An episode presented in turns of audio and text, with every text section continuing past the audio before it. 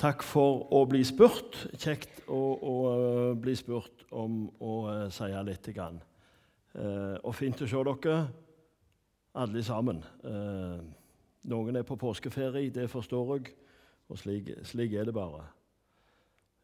Arnt Ove ringte og spurte om jeg um, kunne holde en tale her, og, og det ble til et ja etter hvert eh, godt, fordi at da måtte jeg sette meg ned og lese litt om påsken igjen. Eh, så Derfor så ble det godt for min egen del. Om det blir godt for dere, det vet jeg ikke. Det får vi se eh, hvordan dette går. Eh, jeg føler jeg har såpass mye på hjertet, og da kan det bli for mye. og Da kan det bli rotete og springende og hoppende. Eh, men eh, vi får nå prøve på det. Jeg, jeg setter meg til å lese litt i um, historien. Og Nå har jeg tenkt å gi dere allerede nå ei lekse i påsken. Eh, ta for dere når dere kommer hjem i kveld, så leser dere Johannes 12 og 13. Og så fortsetter dere med ett kapittel hver dag gjennom påsken. Da får dere mye. Da får dere veldig mye. Å lese det i sammenheng på den måten der, det, det gir noe helt spesielt, syns jeg. Da får du hele eh, påskehistorien. Når jeg sier at eh, jeg har mye på hjertet, så er det det at jeg, tenkte egentlig jeg skulle prøve å ta eh, gjennom hovedpunktene som skjedde i påsken. Um, og da er det så mye at en skulle snakket mye om de enkelte tingene. Så blir det noen få ting som vi stopper litt mer opp til med. Um, og så er jeg så redd for at det blir en historiefortelling og ikke evangelisk fortelling. Eller evangeliet. Det er forskjell på det. Det er nok av de som syns dette er interessante historier, å lese rene krimhistorien og lese i påsken. Fantastisk, det som skjedde. Utrolig spennende, flott. Og så var det det. Men dette er kjernen av evangeliet, av det vi tror på. Så, så ta deg tid i påsken og les. Og, og, du som er i familie, ta gjerne når du har lagt ungene osv., og, så og les høyt for, for, dere to. Og snakk litt om det og be litt. Bruk en halvtime hver dag. Det kunne vært spennende. Jeg er helt sikker på hva vi får ut av det. Så var det litt løgn da jeg begynte å lese. og det står ingen verdens ting om påskehare og påskeappelsiner og fjellet og hytta og skiet. Ingenting står der om det. Alt det som hvis du går ut på gata og spør for, for i forrige uke hva de skal, så, så, så kommer alt dette opp. Det er liksom påske. Og så um, er det blitt sånn òg i Norge at veldig mange har fri en liten uke omtrent uten å vite hvorfor de har fri. Og så skal han være så forsiktig, og så skal han ditten og datten. Vi må ikke støyte noen, så vi må ikke si det for tydelig, osv. osv. Så, så bare litt sånn innledningsvis. Jeg har drevet og lest litt i en bok som, som heter 'Misjon kort og godt', og som kom i forbindelse med et sånt stort misjonskongress som var i 2010 i Cape Town. Og Der står det om at uh, for, en, for gjerne 100 år siden så var det den nordlige halvkula som, som, var senteret for misjon, for, for, evangeliet for de kristne. Som sendte misjonærer ut. Nå er det den sørlige halvkule. Nå er det kirken i sør som det snakkes om. Som, som er tyngdepunktet. Det flytta ifra oss, fra Norge, fra Europa som er blitt så sekularisert, så, så opptatt av det materielle osv., at nå er det Kirken i sør som omtales som det globale tyngdepunkt for de kristne. Litt um, Det begynte i Asia, og det slo rot i Europa. Og så gikk det tilbake igjen til den sørlige delen av halvkula. Og så det, er det der den store veksten er nå. Men eh, la meg da gå tilbake igjen til der vi skal, eller tilbake til det vi skal ta for oss. Men vi skal be litt mer først. Kjære himmelske Far, takk for de som er kommet her. Takk for eh, de som vil høre ditt ord. Og jeg ber òg videre om at dette ikke må bli en historiefortelling først og fremst, men at dette må bli evangeliet. Amen. Jeg har lyst til å gå helt tilbake igjen til Johannes 12. Det er faktisk før. Det er lørdagen før palmesøndag, altså i går. Eh, det starta med at Jesus var så eh, Ja, først hadde Jesus vekta opp Lasarus. Det har nettopp skjedd. Eh, det er jo ei historie for seg som en skulle gjerne hatt snakket om. Jesus har vekket Lasarus. Lasarus, Martha og Maria var tre søsken som Jesus ofte var hos. Nå var vi kommet til lørdagen. Maria tar et pund ekte nardussalve og salver Jesus. Hun har forstått at noe er på gang. Noe er i ferd med å skje denne påsken, har Maria forstått. Disiplene forsto veldig lite. Selv om Jesus hadde sagt masse om hva som skulle skje, så hadde de ikke fatta det. Palmesøndag i dag. Jesus rir inn i Jerusalem. Yes, endelig! Jeg syns jeg ser Peter og gjengen så fornøyde. Her kan dere se. Her har vi herskeren, her har vi kongen. Han rir inn i Jerusalem. Endelig kommer til sin rett og vi får være med. Det er så kjekt å være med. Og, og jeg tenker Peter var svære kar. Og de andre disiplene òg. Du verden for en fest! Og de jubla, for de hadde hørt om at han vekket opp Lasarus. De hadde hørt om at han hadde vekket opp andre. De hadde hørt at han hadde gjort mange friske. Og disiplene var i hundre. Det er jeg rimelig sikker på. Det står lite om Peter der, men jeg, jeg, tror jeg ser han for meg. For Peter har på en måte er den som jeg tenker Når jeg tenker påsken, denne gjennomgangsfiguren, når en ser hvordan han er i forhold til Jesus gjennom disse dagene. Så skal vi, vi skal innom mange tekster. Det blir bare sånn. Eh, men vi skal ta noen drypp. Vi kommer til palmesøndag. Vi har uh, hatt denne festen. Um, vi kommer til skjærtorsdag. Og Jesus vasker føttene til disiplene. Vi leser fra Johannes 13, 5-9. Så slår han vann i et fat og tar til å vaske føttene åt læresveinene og tørke dem med linklær som han hadde bundet om seg. Han kommer da til Simon Peter, og han sier til han, 'Herre, vasker du mine føtter?' Jesus svarer og sa til han, 'Det jeg gjør, skjønner du ikke nå, men du skal skjønne det', sier han.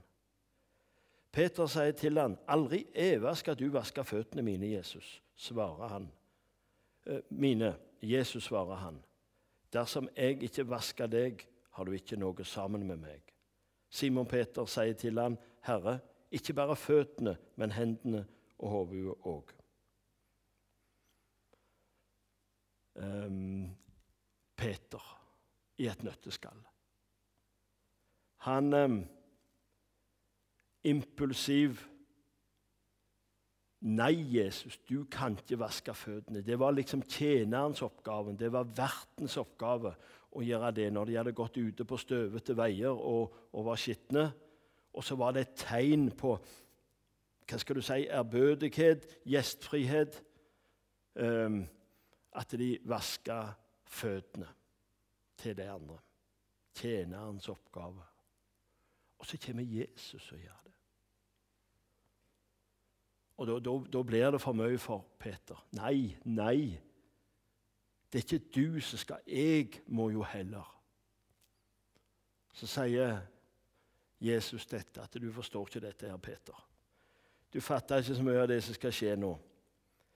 Men, men, men, eh, men, hvis ikke jeg får vaska føttene, så har ikke jeg samfunnet med deg.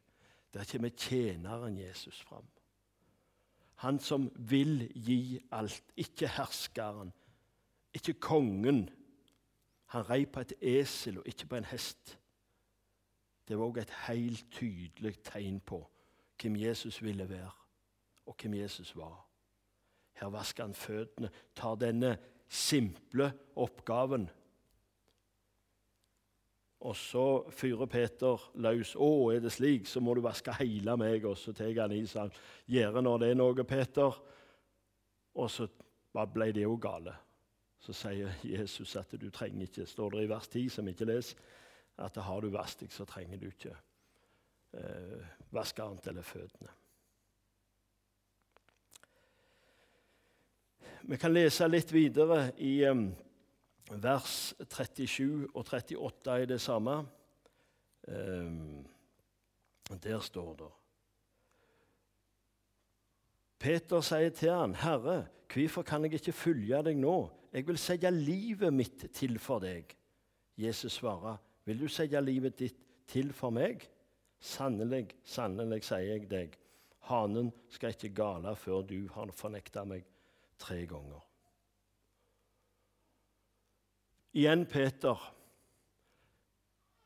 Og jeg tenker Vi er litt sånn Peter, vi òg, av og til.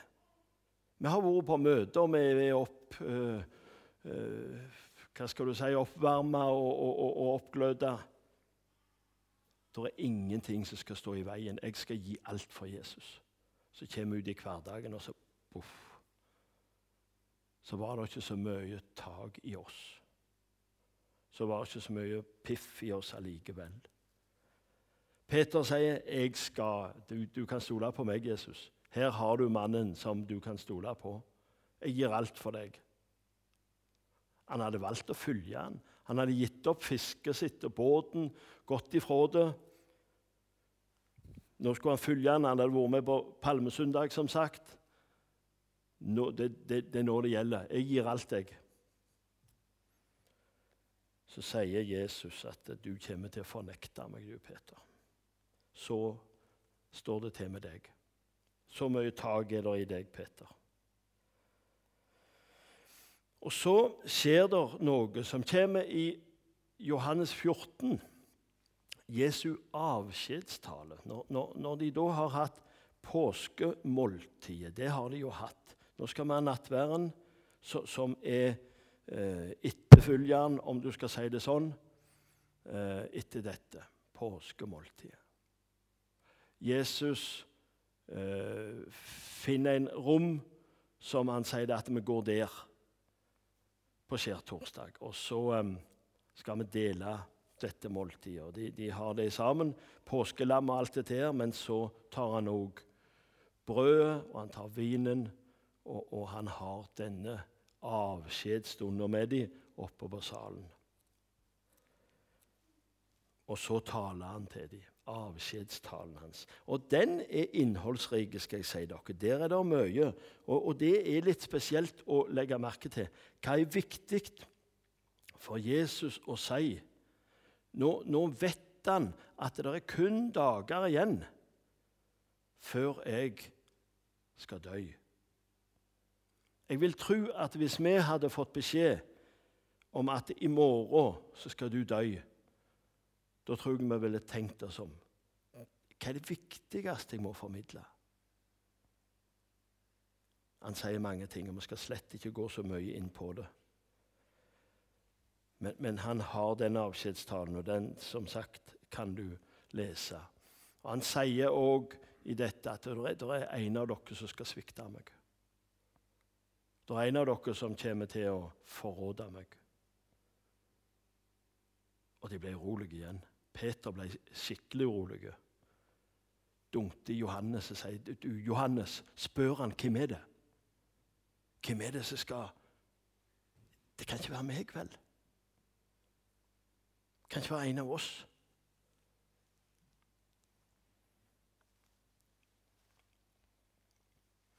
Vi skal lese litt i Johannes 14, 1-6. Det er en del, som sagt, av denne avskjedstalen. La ikke hjertet dere uroes. Tru på Gud og tru på meg. I huset åt far min er det mange rom. Var det ikke så, da hadde jeg sagt dere det. For jeg går bort for å gjøre i stand en stad åt dere. Og når jeg har gått bort og har gjort i stand en stad åt dere, kommer jeg att og skal ta dere med meg, så det òg skal være der jeg er. Og dit jeg går, veit jeg vegen. Thomas sier til han, Herre, vi vet ikke hvor du går av. Hvordan kan vi gå da vite vegen? Jesus sier til han, Jeg er veien, sanninga av livet. Ingen kommer til Faderen uten ved meg. Her er han inne på svært viktige ting. Nå sier han jeg skal gå, jeg skal vekk, jeg skal forsvinne. De hadde ikke forstått det. Jeg er veien, sannheten og livet. Ingen kommer til Faderen uten gjennom Der. Er der? Jeg er veien, sannheten og livet. Ingen kommer til Faderen uten gjennom meg. Datt han helt ut nå? Han er der. I dag er det veldig mange som sier det at det er den samme Gud som vi tilbyr. Gud, den guden som de kristne har, Allah osv. Det er det samme alle tilbyr. Bare det, det har vokst fram i ulike kulturer. Nei, det er ikke det. Jeg er veien, sannheten og livet. Ingen kommer til Faderen uten gjennom meg. Det er kun veien om Jesus, om Golgata, som fører til livet. Den gir evig liv. Ingen andre veier. Det står videre òg at det er til gagn for dere at jeg går bort. Vi går litt videre. Johannes 15. Um,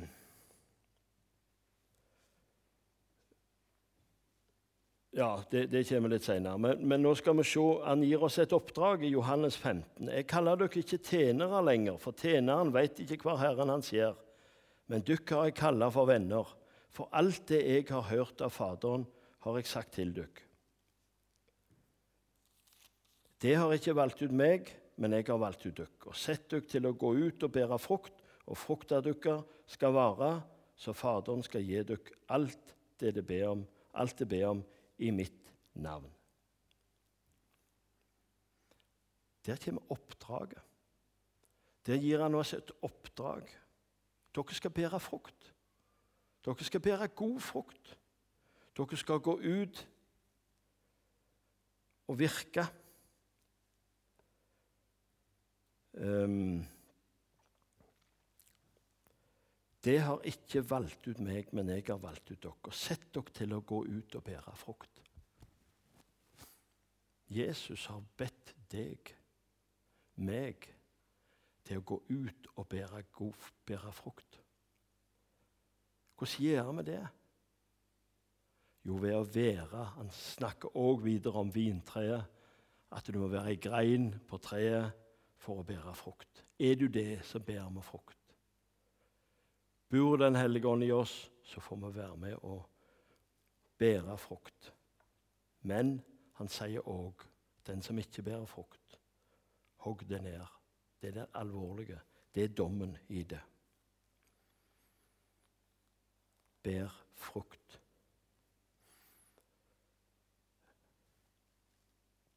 Derfor har han også bedt oss om å gå ut og forkynne evangeliet. Både til de som omgås, de som er ikke omgås, de som er langt vekke, de som ikke har fått hørt. Misjon. The unengaged and unreached people group er der som blir omtalt. De minst nådde. De har vi fått en spesiell oppgave for å gå til, tror vi. Gå til dem. Tenk deg at det er mange som ikke har hørt. Millioner, milliard, over en milliard, som ikke har hørt så mye av dette evangeliet at de har fått nok til å kunne ta imot. Ingen sjans, ingen mulighet. Gå ut og bær frukt. Gå ut og forkynn. Gå ut og gjør godt. Og gjør vel med folk. Vask føttene til dine medvandrere. Så sier han videre i, i Johannes nå, nå, hopper vi veldig, men jeg, jeg, skal komme tilbake til noe av dette. Men, men, det er litt for å få litt sånn tråden i dette. her. Eh, Johannes 16 og vers 7-11 så sier han hvorfor han går bort. Men jeg sier dere sanninger. Det er ingen gagn for dere. Det, det er til gagn for dere at jeg går bort. For går jeg ikke bort, kommer ikke talsmannen til dere. Men går jeg bort, da skal jeg sende han til dere. Og når han kommer, skal han overtyde været om synd, om rettferd, om dom. Om synd fordi de ikke tror på meg. Om rettferd fordi jeg går til Faderen, og de ikke ser meg lenger. Om dom fordi hovdingen over denne verden er dømt. Den hellige ånd skal komme, talsmannen, for å overty om synd, om dom. Det er liksom ikke det vi tenker på i forbindelse med Den hellige ånd. Han skal jo jeg hadde nær sagt begeistra og oppgløda og løfte oss opp. Han skal det òg. Han skal gi kraft. Men ingen har bruk for frelse uten han får se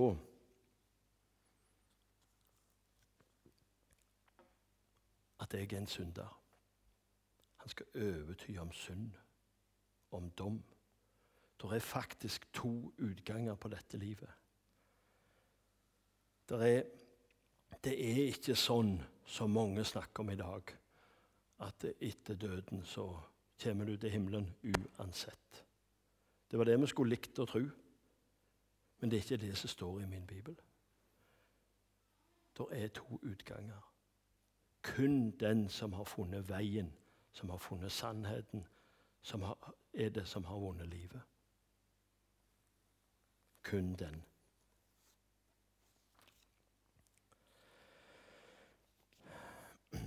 Så står det videre om eh, at Jesus ber. Vi skal heller ikke ta fatt i det.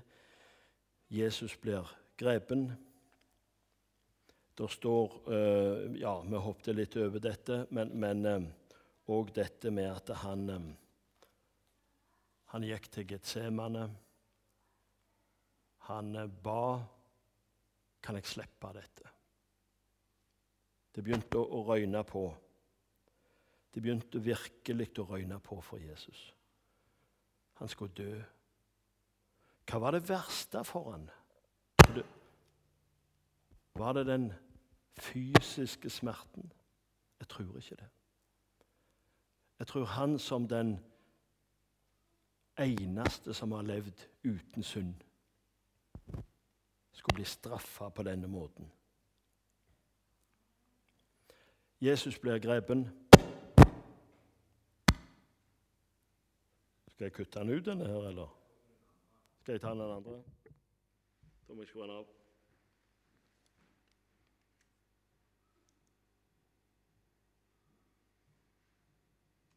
Sånn. Da prøver vi den. Jesus blir grepen. Peter slåss for Jesus.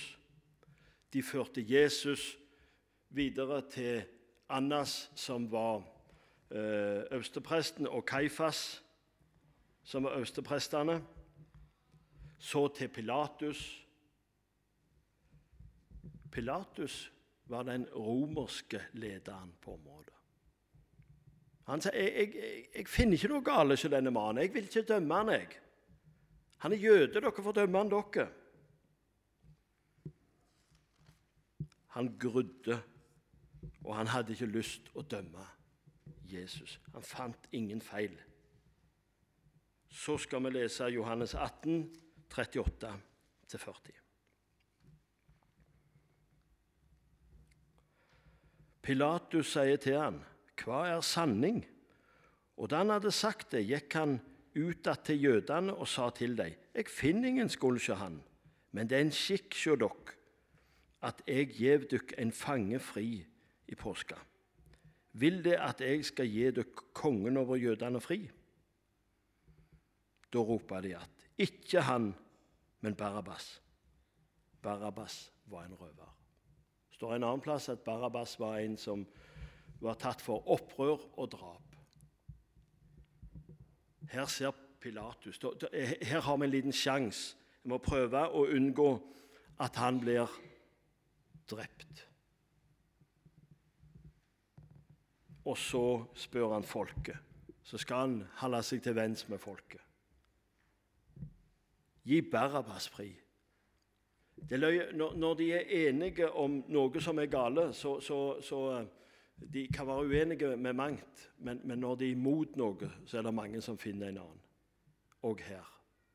De ville neppe ha Barabbas fri, men Barabbas gikk fri. Jesus død i stedet for Barabbas. Det kunne synes tilfeldig. Nei. Jesu vei gikk om Golgata. Jeg og du er som Barabbas. Vi blir dømt fri. Ikke fordi at Barabbas antageligvis ikke hadde gjort det. Det ble ikke unnskyldt. Det ble ikke sagt at det ikke er bevis nok. Det står ingenting om det. Barabbas var en røver og en morder, står det. Han hadde gjort brudd som fortjente døden. Barabbas gikk fri. Jesus ble drept. Jeg er Barabbas. Du er Barabbas. Vi går fri fordi at Jesus tok straffa på oss.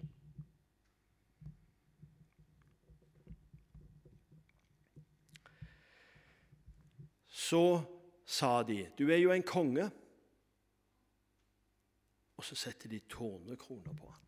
De skulle jo krone han. Så spotta de han. Så torturerte de han. Så slo de han. Så måtte han bære korset til han segna om.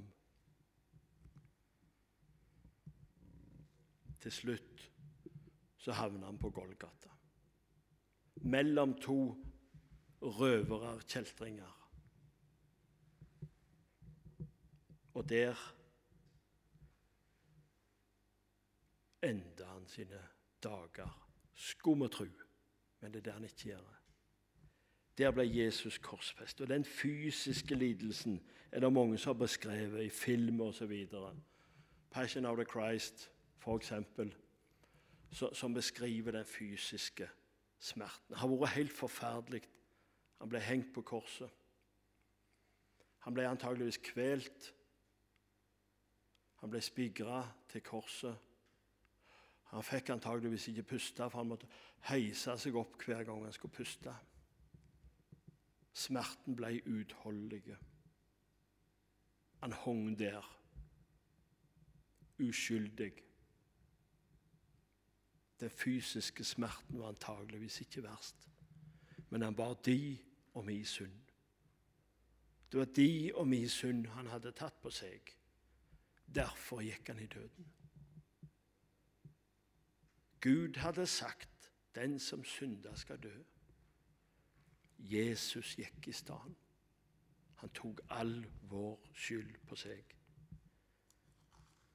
Og Så skal vi til slutt lese ifra Lukas, eh, som forteller òg noe om det samme. Lukas 23, 39-45. 23, 39-45. En av brotsmennene som hang der, spotta han og sa, 'Ikke du, Messias, frels deg sjøl og oss.' Altså en av de to som hang på sida av Jesus. Men den andre tok til orde og irettesatte han og sa, 'Har du ikke age for Gud engang, du som under samme dom?' Og vi er det med rette, for vi får det vi fortjener for det vi har gjort, men han har ikke gjort noe gale. Og han sa, 'Jesus, kom meg i hug når du kommer i ditt rike.' Og han sa til han, sannelig sier jeg deg, i dag skal du være med meg i paradis. Vi stopper der. Hva var forskjellen på de to røverne som hang der? Begge hadde gjort galt. Ingen hadde sjans å gå ned igjen og begynne å gjøre godt. Ingen hadde sjans å gå ned igjen og begynne på bibelskole og lære mer om denne trua. Ingen hadde sjans å bli døypt. Ingen hadde sjans å gå ned og be om unnskyldning til de de hadde gjort noe galt imot. De var rettferdig dømt etter datidens lover. Og så får den ene beskjed at du skal få være med meg i himmelen, og den andre går fortapt. Her er nøkkelen. Den ene erkjente og bekjente. Og han vendte seg til Gud. Han erkjente. Vi fortjener dette med. Vi har, gjort, vi har gjort noe galt med. Så du trengte ta den, sa han til den andre. Fordi at vi har jo gjort noe galt. Så vi fortjener dette. Han erkjente sin skyld. Den hellige ånd skulle komme for å overbevise om synd, om nåde, om dom. På den andre sida settes han. Men han han har ikke gjort noe galt. Han er Gud. Han bekjente hvem Gud var, at dette var Guds sønn. Han erkjente sin synd, han bekjente hvem Gud var. Og så vendte han seg til Jesus og sa, 'Tenk på meg.' Han hadde ikke frimodighet. Han hadde ikke tanke om å si, 'Jeg vil være med deg i ditt paradis.' Men han sa, 'Tenk på meg'. Altså et sukk. Han fikk ikke forma den rette bønna engang. Den så Jesus. Jesus som ser til hjertene våre. Han ser til den som erkjenner. Men den som ikke ville være ved noe av dette, han gikk fortapt. Vi må virkelig være på den sida der vi erkjenner hvem Gud er. Der vi ser hvem Gud er, men vi må òg se hvem vi er. Vi må se hva stilling vi er i. Der døde Jesus. Og da ble det mørkt. Da ble det solformørkelse. Og så skjedde én ting til. Og det var at et forheng som var i tempelet, inntil det aller helligste, som ingen andre enn øverstepresten fikk gå en gang i året. Det var tjukt vevd i flere lag. Og så voff, så rakna det. Som et helt klart tegn på at det er fullført. Nå kan jeg og du og hvem som helst gå inn. Vi har adgang helt inn til det aller helligste for alle de som tar imot ham. Vi må ikke ha noen mellommann på den måten at det er en øversteprest som må gå inn der for oss. Men jeg og du har fått adgang helt inn til Jesus. Helt inn i Jesu hjerte har jeg og du fått adgang. Disse fysiske tingene skjedde faktisk. Og som sagt en solformørkelse midt på lyse dagen. Og det ble jordskjelv, og det ble spetakkel, og da rymte folk. Da stakk de og så sannelig det må jo være noe med dette.